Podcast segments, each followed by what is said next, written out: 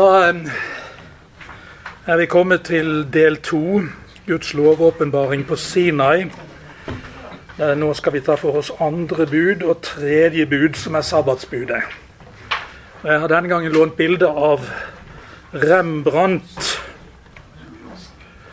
Det er et mye mer livfullt bilde, og han, Rembrandt har tydeligvis prøvd seg å tegne inn hebraisk tekst på lovtavlene, ser dere. Så Sverre, kanskje du tar på deg den? eh, jo, den glemte jeg.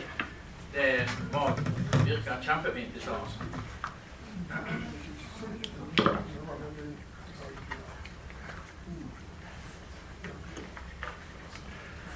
Virker den nå? Ja. Um, bilde av Rembrandt, ja. Men teksten vår står da inne på side to. Og Jeg leser nok en gang andre Mosebok-utgaven. Her er det litt større forskjeller i møte med femte Mosebok-utgaven av, av de ti bud. Du skal ikke misbruke Herren din Guds navn, for Herren vil ikke holde den uskyldig som misbruker navnet hans. Kom hviledagen i hus, og du holder den hellig.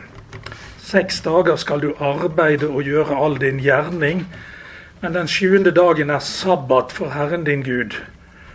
Da skal du ikke gjøre noe arbeid, verken du selv eller sønnen din eller datteren din, verken trellen din eller trellkvinnen din eller fe ditt, eller den fremmede som er hos deg uten, innenfor portene dine. For på seks dager gjorde Herren himmelen og jorden, havet og alt det som i dem er, og han hvilte på den sjuende dagen. Derfor velsignet Herren sabbatsdagen og helliget den. Ordlyden er den samme eh, i eh, andre bud, bud om Guds navn. Du skal ikke misbruke Herren din Guds navn osv. Men der er små nyanseforskjeller derimot i, når vi kommer til det hviledagsbudet.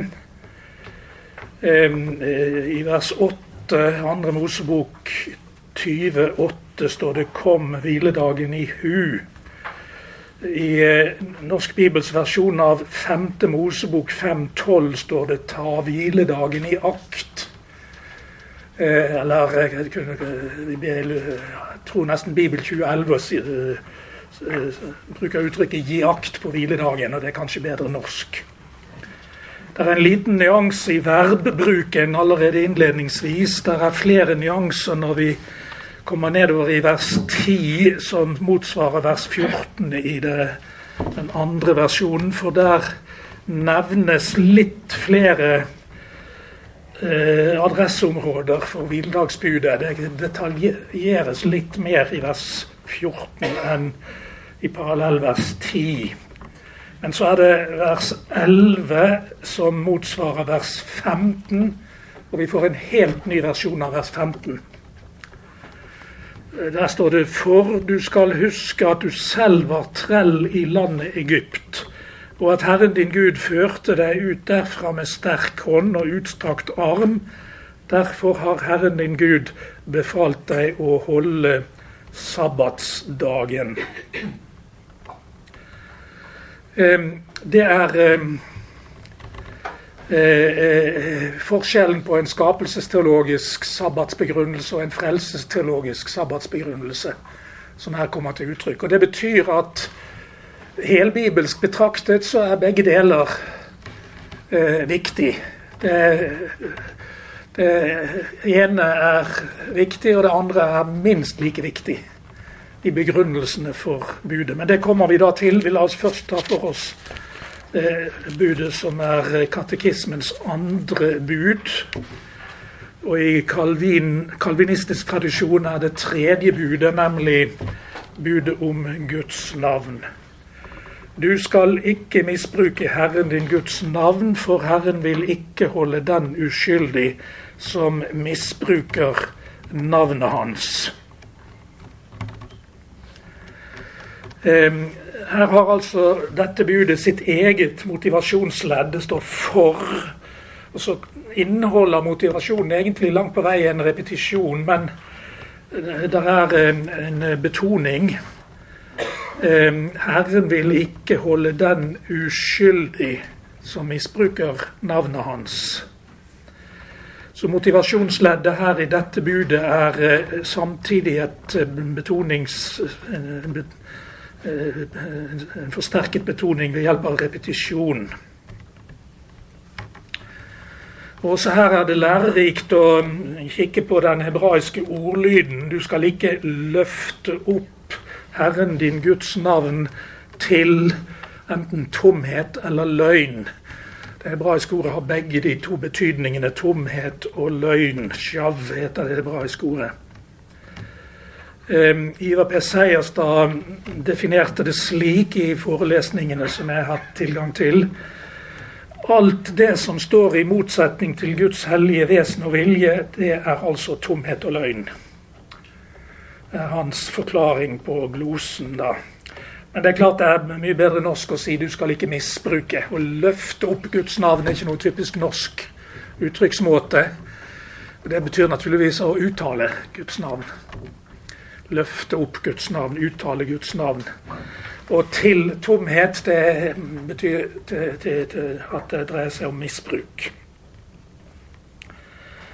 Um, det bor da en forutsetning i dette budet som er voldsomt vesentlig, nemlig at Guds navn er hellig. Når Gud gir dette budet, så setter han så å si en vaktpost ved sitt eget navn i form av et bud, og den vaktposten har til oppgave å si stopp. Her tråkker du på hellig grunn. Ta av deg skoene. Det er en klangtone av høyhellighet i omgangen med Guds navn.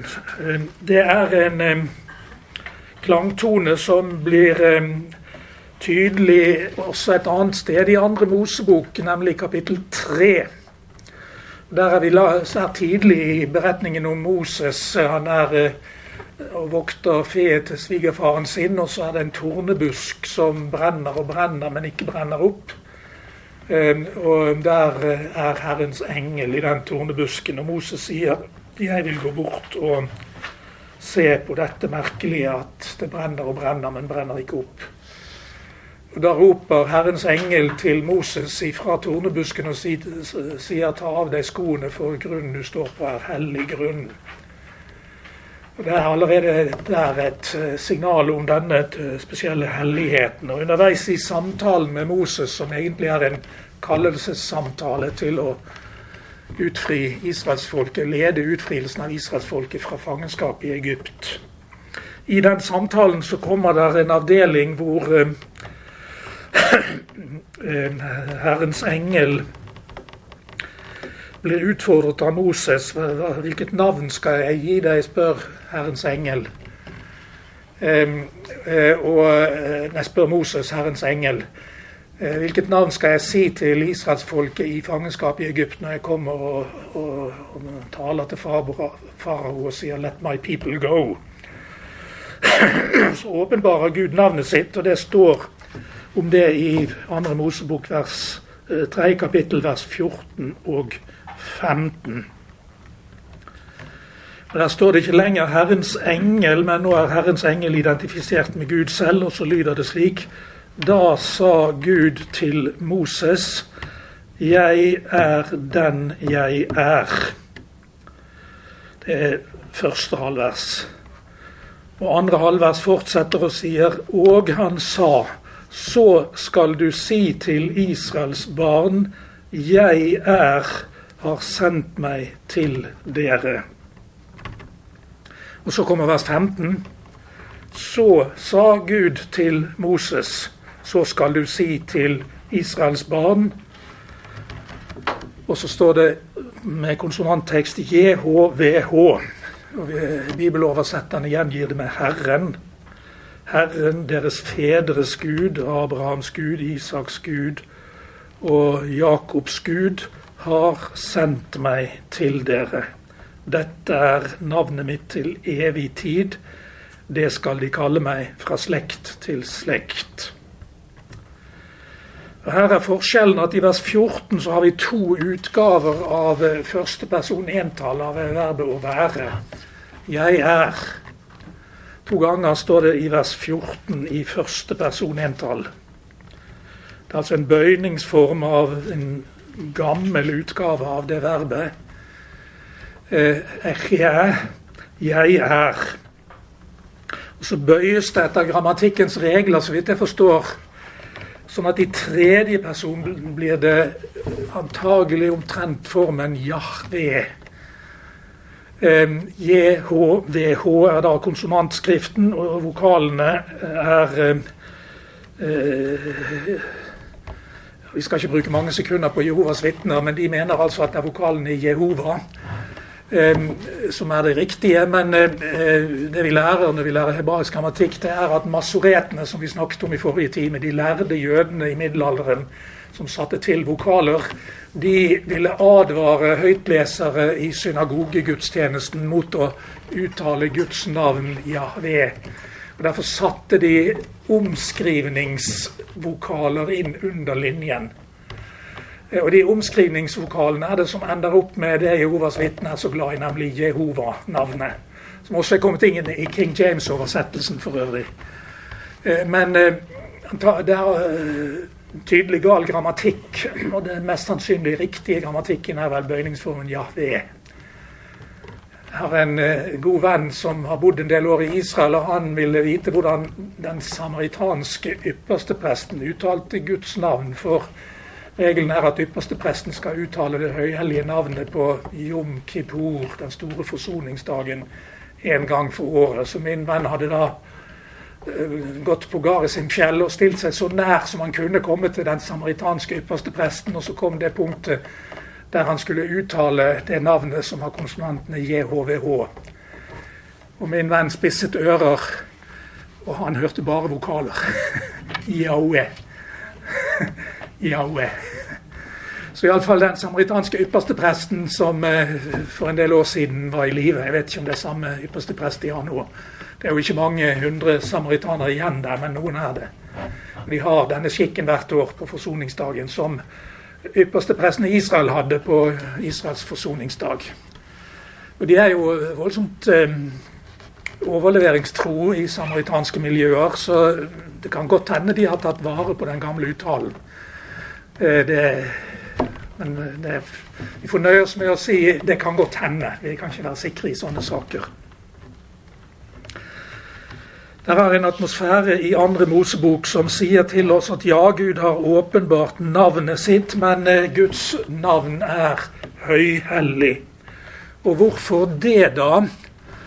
Jo, den bibelske tanken er at navnet er ikke bare en merkelapp av typen 'dette er en sykkel' eller 'dette er en uh, Jaguar'. Navnet er noe mye mer enn det. Navnet det er uh, bærer av personens vesen. Og når det handler om Gud og Guds navn, så betyr det at navnet er bærer av teologien om Gud. Hele budskapet.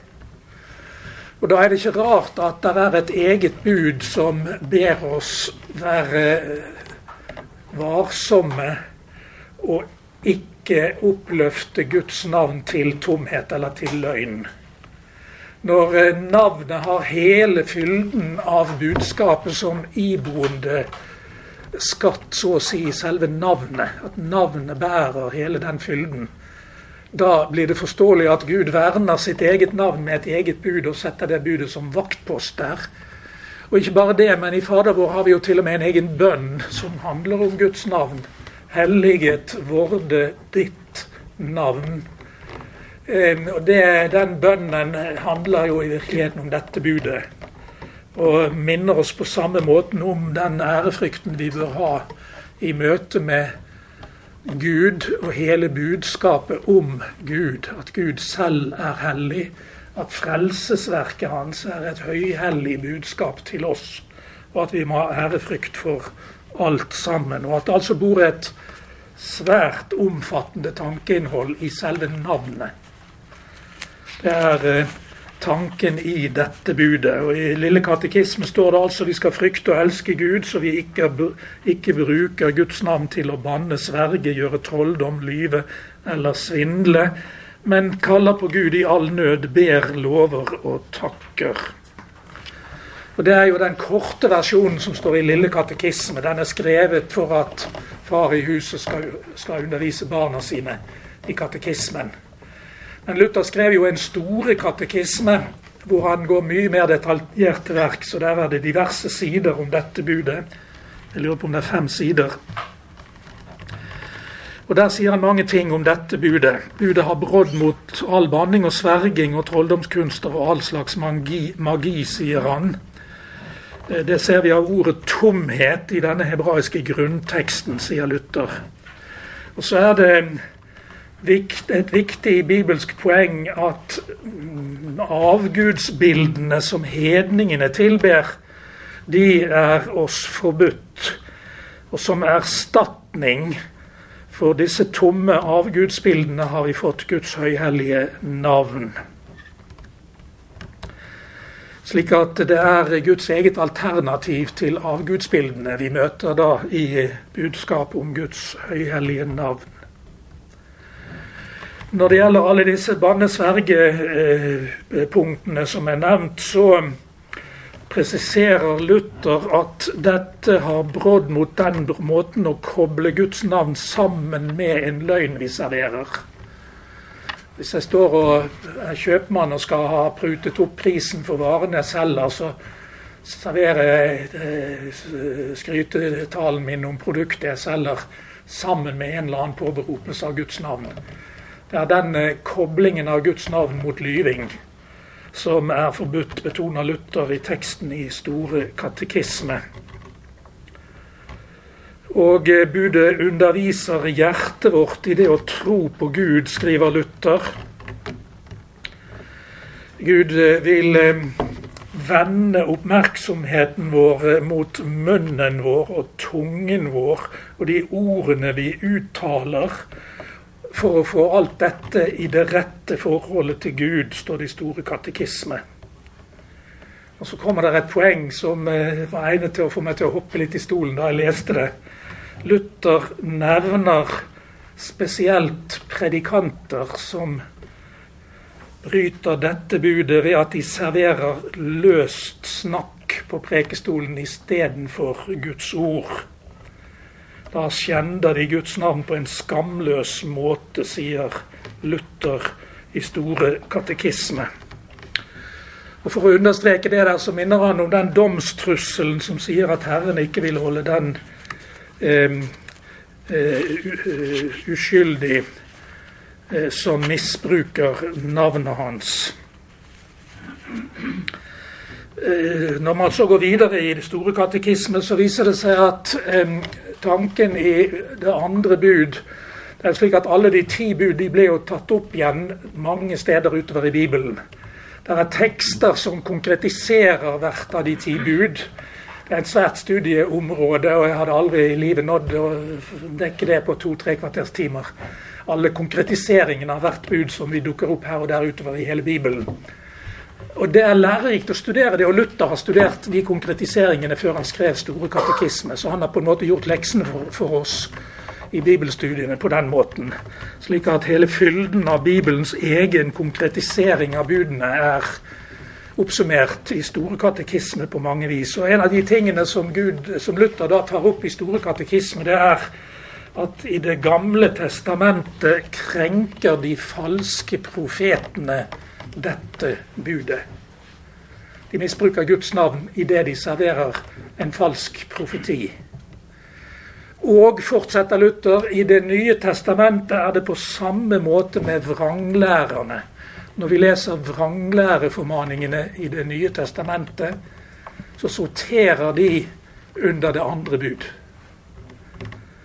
Læretuktspørsmålet eh, det er rett og slett en av konkretiseringene av det andre budet. Vi går videre da fra det andre budet og til det tredje budet.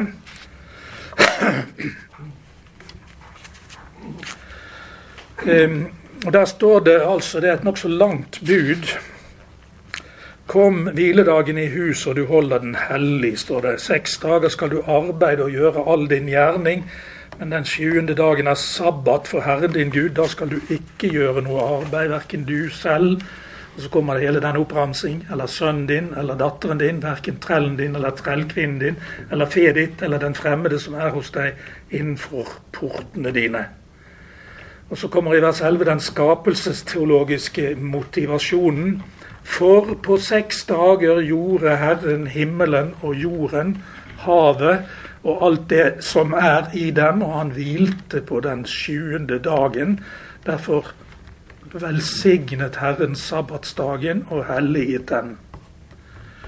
Vi leste altså i sted den alternative ord, ordlyden, den frelsesteologiske motiveringen som kommer i femte Mosebok. Du skal huske at du selv var trell i landet Egypt. Her eh, i dette budet avviker budformuleringen fra si fra det vanlige mønsteret med et ikke pluss et verb i imperfektum.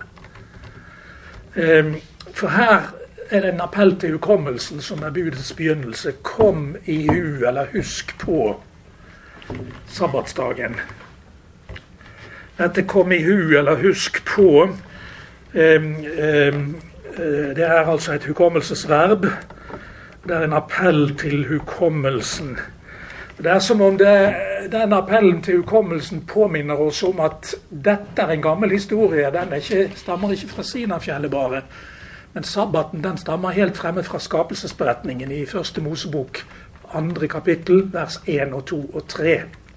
Og Der står det om eh, den syvende dagen og Guds egen hvile på hviledagen.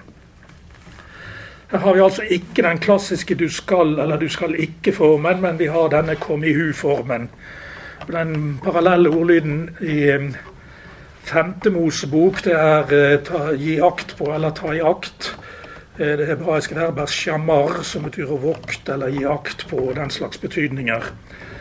Eh, eh, mulig det taktiske er litt sterkere appell til hukommelsen i femte Mosebok-utgaven enn i andre Mosebok-utgaven. Men eh, begge er felles om denne måten å innlede budet på, som en påminnelse om en forangående sabbatstekst, som egentlig er nokså evangeliske grunnpreg. Det står i Første Mosebok, eh, andre kapittel, sa jeg. Eh, og der står det Så ble himmelen og jorden fullført med hele sin hær. Og Gud fullførte på den sjuende dagen det verket han hadde gjort. Og han hvilte på den sjuende dagen fra alt verket sitt som han hadde gjort. Og Gud velsignet den sjuende dagen og helliget den, for på den hvilte han fra alt sitt verk, det Gud hadde skapt og ville gjøre, står det i Norsk Bibels utgave. Det er en mulig oversettelse, men ikke den eneste mulige. Det er eh, kanskje å forstå som en henspilling på det som heter Guds fortsatte skapelse, på fint creatio continua. At Gud fortsetter å skape. Kom i hu sabbatsdagen eller hviledagen, yom ha-shabbat det er altså et hebraisk verb, shavat, som betyr å hvile. Og så er det et, gjort et substantiv av det der, som da betyr hviledag. Og vi kjenner det altså i den norske versjonen sabbat. Um, og det er jo da en lørdag, som er sabbatsdagen. Kom i hu uh, yom ha-shabbat, hviledagen, til å helligholde den. Det kommer et formålsledd vi skal bruke hukommelsen med sikte på å helligholde sabbaten, sier altså budet. Um, man kan diskutere uh, uh, selve leddet, hvordan man skal forstå det. Um, så du holder den hellig for at du skal holde den hellig, eller idet du holder den hellig, ved å holde den hellig. Disse Oversettelsesalternativene betyr stort sett det samme uansett, men det er små hårfine geografiske, grammatiske nyanser mellom uh, oversettelsesalternativene. Jeg liker da den konsekutive tolkningen som den heter. Så du holder hviledagen hellig. Holde hellig er altså det tunge verbet i budet. Og hellige. Det har grunnbetydningen å skjære av, eller å skjære og skille ut. Ehm, det meste her i verden er profant, og det betyr vanhellig. Men noen ting er utskilt, de er satt til side for Gud, og da, da er de hellige. Så betydningen av ordet 'hellig' det er satt til side for Gud, Han som er hellig. Å hellige, å helligholde hviledagen betyr altså å sette den til side for Gud. Det motsatte er altså å vanhellige og profanere. Så Budskapet i sabbatsbudet det er altså at Gud vil en dag for uken sette til side en dag på kalenderen hvor Gud ber om vår særskilte oppmerksomhet. Det er eh, på mange måter det iboende budskapet. Og Det er nokså evangelisk ment i skapelsesberetningen. Når du har slitt og svettet i seks dager, så er det et evangelium at du får en hviledag den syvende dagen. Det er ikke et veldig legalistisk bud i og for seg, men det er tvert imot veldig nåderikt. Eh, du skal få hvile. Eh, så det er fristende å foreslå eh, det lille paradokset å kalle det for et evangelisk bud.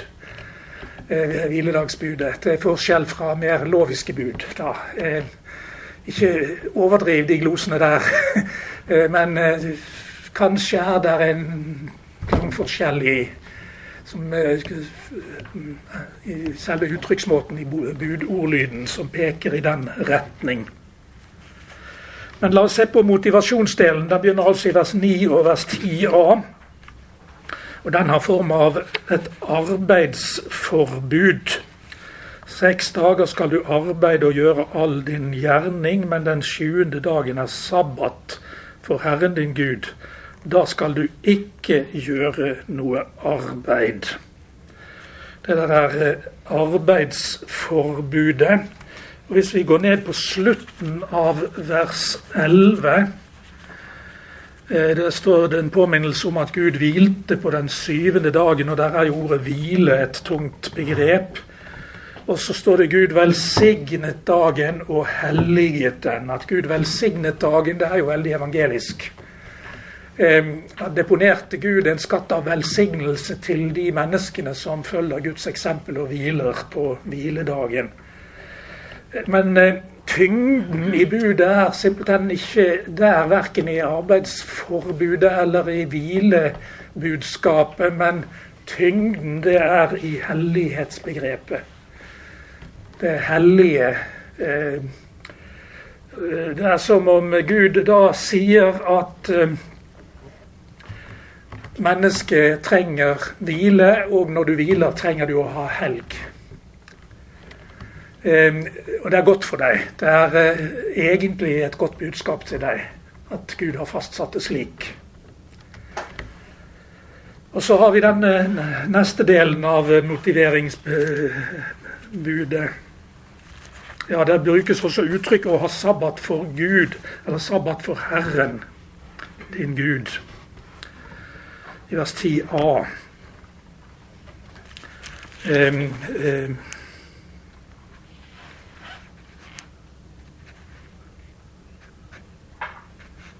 Sa jeg riktig nå? Det tror jeg var feil, det jeg sa. Ja, det er i vers 10a. Den syvende dagen er sabbat for Herren din Gud. Det uttrykket 'sabbat for Herren' det signaliserer vel også en posisjonering. Det er som om Gud sier til oss at på hviledagen så skal vi stille oss opp foran Gud. Den, eh, det uttrykket klinger i mine ører som en pekefinger som sier gudstjeneste, gudstjeneste, gudstjeneste. Å ha sabbat for Herren, det er å gå til gudstjeneste. Men det Luther betoner også i katekismeforklaringen til dette budet. Ikke forakte prekenen og Guds ord. Det er jo stikkordet der. Og Så er det en veldig radikal rekkevidde i budet, og den har jeg lyst til å si litt om. Nå begynner vi i vers 10b. etter det der eh, leddet om eh, forskjellen på de seks dagene og den syvende dagen, så står det altså om budets rekkevidde. Eh, verken du selv Der har vi den første adressaten. Det er far i heimen. Verken du selv skal arbeide på sabbaten, og så kommer alle de andre alternativene nedover. Det er en voldsomt radikal liste av eh, dekningsområder forbudets rekkevidde. Husfar selv, barna hans, resten av familien, ektefelle. Alle sammen skal ha sabbat, hviledag. Og det samme skal tjenere og treller i huset ha. Og til og med husdyrene skal ha hviledag. Og eh, den fremmede står det i Norsk Bibel. Innvandrere står det i Bibel 2011. Og det er en flott Begge deler er eh, tankemessig riktig å nevne. Når det bor noen som ikke er jøder i en jødisk by eller landsby, så skal også de få del i sabbatens velsignelse. Så her er det en lang liste med adresseområder for sabbatsbudet. Og da eh, kommer den rabbinske tolkningstradisjonen inn i bildet og sier hvem skal sørge for at oksen min og eselet får sabbat? Jo, det er jeg, far i huset, som har plikt til å sørge for at husdyrene og trellene og barna og mor i heimen og alle de andre som er nevnt her, at de får sabbat. Men da må far arbeide på hviledagen for at de andre skal få sabbat. Så sier en eh, rabbinsk strømning til og med i skapelsesberetningen hvor det står at Gud hvilte på den syvende dagen, så står det et budskap om Guds fortsatte skapelse og opprettholdelse av skaperverket. Og da arbeider Gud selv til og med på sabbaten. Og da må far i huset gjøre det også. Så Implisitt i budet om hviledag er det et arbeidsbudskap til far i huset. Det er din jobb å sørge for at alle de andre får hviledag. Og Det der er eh, veldig tankevekkende. Eh, eh, det, er, eh, det, har en eh, betydningsfull eh, sabbatsteologisk rekkevidde, faktisk i direkte sosialetisk retning. Slaveriet, som altså er nevnt i sabbatsbudet, 'trellen din skal ha hviledag'. Budet sier slaveriet er avgrenset til seks dager i uken. Den syvende dagen fins det ikke noe slaveri i Israel. Da er slaveriet opphevet. En gang i uken er det ingen slaver i Israel for slaveriet er opphevet. Det er et antislaverisignal i hviledagsbudet som er full av bærekraft som premissleverandør til kampen eh, mot eh, slaveriet. Fordi at det er som om Gud sier at egentlig, egentlig så er den ordningen der forkastelig. Og når du står for Gud på, i gudstjenesten på hviledagen, da er det iallfall ingen forskjell på husets herre og trellen i huset. Der står menneskene likt for Guds ansikt. Så her er et uh, tungvektig antislaveribudskap når man forlenger linjene litt grann, i helligdagsbudet. Og Det blir enda tydeligere når vi ser på parallellteksten i 5. Mosebok, for der kommer altså dette alternativet vers 15 for du skal huske at du selv var trell i landet Egypt, og at Herren din Gud førte deg ut derfra med sterk hånd og utstrakt arm. Derfor har Herren din Gud befalt deg å holde sabbatsdagen. Her motiveres budet ikke bare i skapelsesteologi fra skapelsens syvende dag, men det motiveres også i, um, i uh, Guds frelse fra trellehuset Egypt. Det gamle testamentets sentrale frelsesbegivenhet. Og Da ble jo budskapet om eh, sabbaten og slaveriet enda sterkere, naturligvis. Husk at du selv var trell i Egypt. Og sabbaten er trellfrihetsdagen. Den er en påminnelse om det å bli fri fra trellekår. Forlenger vi linjene derfra og til det nytestamentlige budskapet om at vi kraft av vår arvesynd er treller under syndens og dødens lov og under Satan selv, og at Jesus har kjøpt oss fri på Golgata kors, så er det jo en veldig tydelig øh, øh, videreføring av grunnleggende sett det samme paradigme. Da blir det gammeltestamentlige budskapet her i vers 15 i 5. Mosebok 5.15 om fortiden som trell i Egypt. Det blir som en analogi til det nytestamentlige budskapet om at alle som i kraft av troen på Jesus har fått syndenes forlatelse, de er kjøpt fri. Ikke med sølv eller gull, men med Jesu dyre blod. Så her er det eh, forholdet mellom paradigme eh, i, i forbildelig forstand og i fullbyrdelsesforstand i den nye pakt, som blir så veldig tydelig. Um, det er kanskje 20 eller 30 år siden så kom det et par bøker om søndag og sabbat. Den ene var skrevet av en som i de dager var generalsekretær i Sjømannsmisjonen. Um, og jeg tror han hadde polemisk relasjon til adventister som mener at vi burde ha lørdag som helligdag kraft av sabbatsbudet, og at det er i strid med sabbatsbudet å skifte over til søndag. Det var en veldig polemisk bok han um, skrev om sabbat og søndag, anti-adventistisk polemikk. Jeg var så tung på labben den boka at jeg var litt trøtt av når jeg hadde lest en del sider. Det var litt i overkant mye. Eh,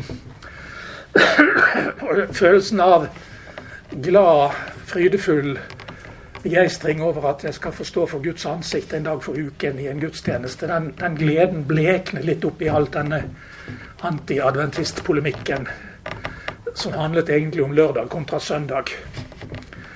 Så kom det en annen bok, og den var skrevet av Ole Kristian Kvarme.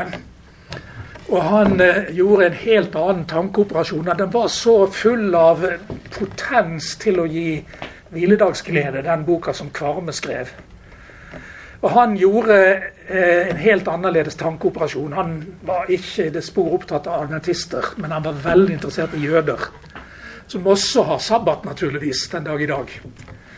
Og så hadde Kvarme han holdt på søndag og nytestamentlig søndagsforståelse.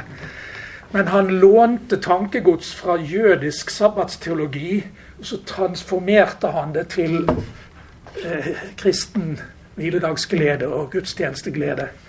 Og Det gjorde han i en knippe eh, tankemessige bevegelser som gjorde den boka til en fest å lese. Så jeg har veldig lyst til å anbefale Ole Kristian Kvarmes bok om om det der. Da, da, ble det en veldig jødisk søndagsforståelse for så vidt. Men det var evangelisk. Det var grunnleggende evangelisk og tok vare på hele fylden av, av uh, budskapet vårt. Så, så det var uh, mer slik at mange tanker fra jødisk sabbatsteologi ble som små fyrtårn av tilleggsbelysning av budskapet i dette budet. Så Ole Kristian Kvarmes bok, hvis den enda er å få tak i, så anbefaler jeg i høy grad den som eh, inspirasjonskilde. For det er jo et svært kapittel om Jesus og sabbaten i Det nye testamentet. Det er diverse stridssamtaler. Det er særlig knyttet til spørsmålet om Jesu helbredelser er tillatt på sabbaten. Og En av de mest tilspissede episodene står i Lukas 13.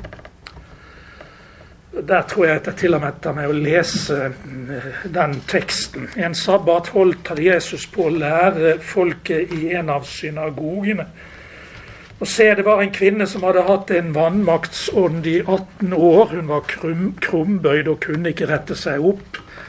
Da Jesus så henne, kalte han henne til seg og sa til henne, kvinne, du er løst fra din vannmakt. Jesus la hendene på den, henne, og straks rettet hun seg opp og priste Gud. Da tok synagogeforstanderen til orde. Han var harm fordi Jesus helbredet på sabbaten. Og han sa til folket det er seks dager til å arbeide på, kom derfor på dem og bli helbredet, og ikke på sabbaten. Men Herren svarte ham og sa, hyklere løser ikke hver og en av dere oksen eller eselet fra krybben på sabbaten og leier dem ut så de får drikke.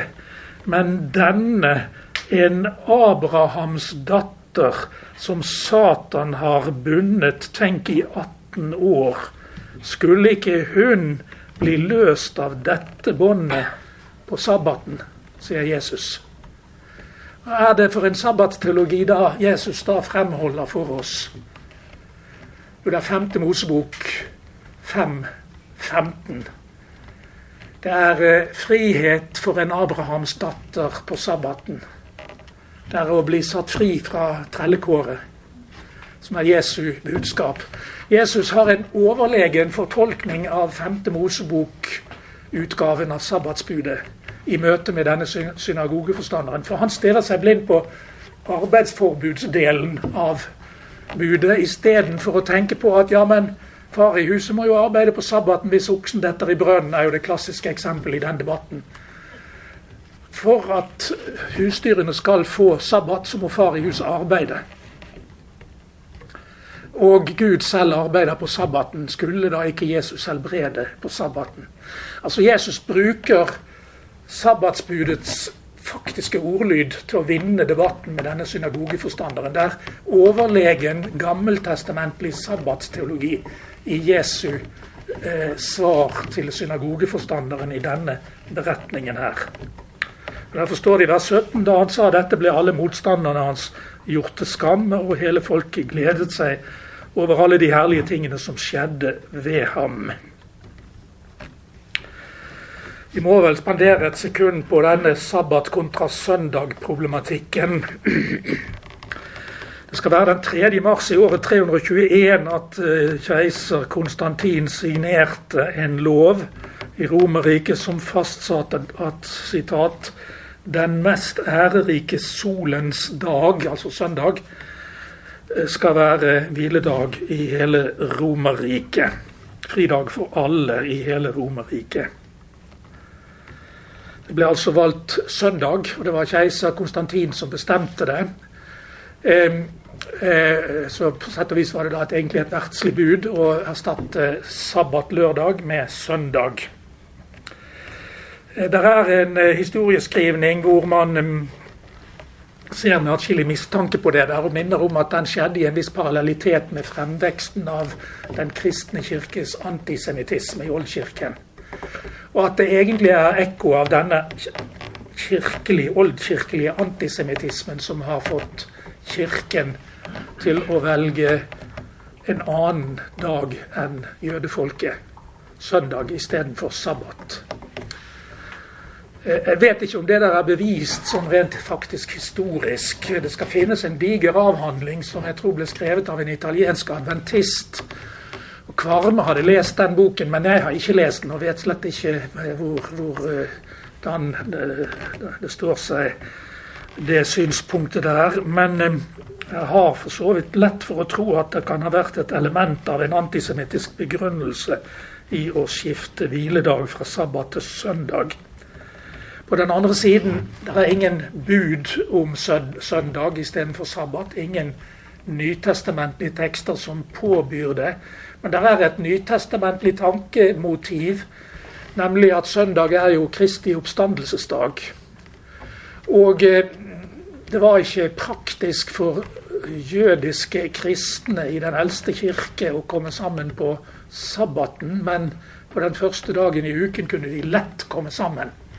Og Det ser vi jo allerede de par første ukene etter Jesu oppstandelse. Så kom de sammen på den første dagen i uken. Og i åpenbaringsboken 1.10 så brukes uttrykket 'Herrens dag', som kan være ment om søndagen. Kanskje. Ja vel. Jeg har lagt frem argumentene.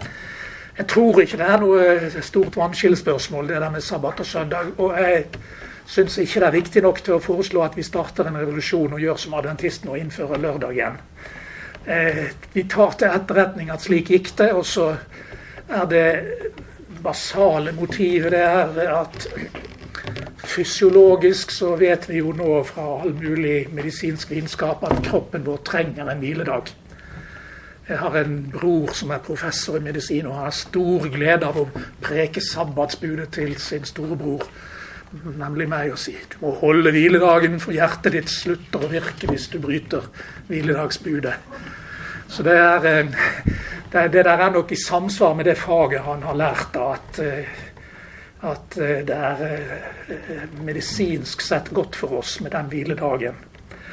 Da bor det så å si i selve naturen vår at ja, vi trenger hvile. Og så sier Gud ja, du trenger ikke bare hvile, men du trenger å ha helg, i betydningen møte med Gud.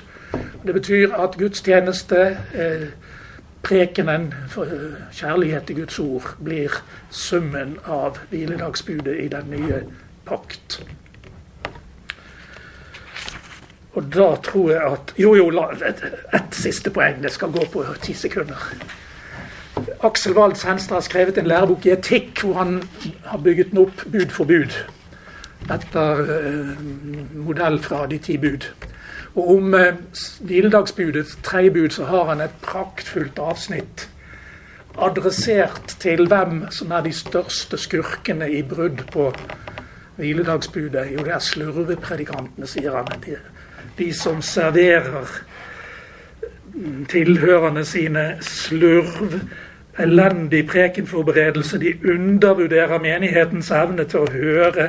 De forkynner allmenne fornuftssannheter istedenfor Guds ord. Ehm, eh, og de gir folk stener for brød. Og det er et stygt brudd på det budet om å holde hviledagen hellig, sier Aksel Vangsenstre. Jeg liker veldig godt den han sier der. Jeg tror vi trenger den formaningen. Amen.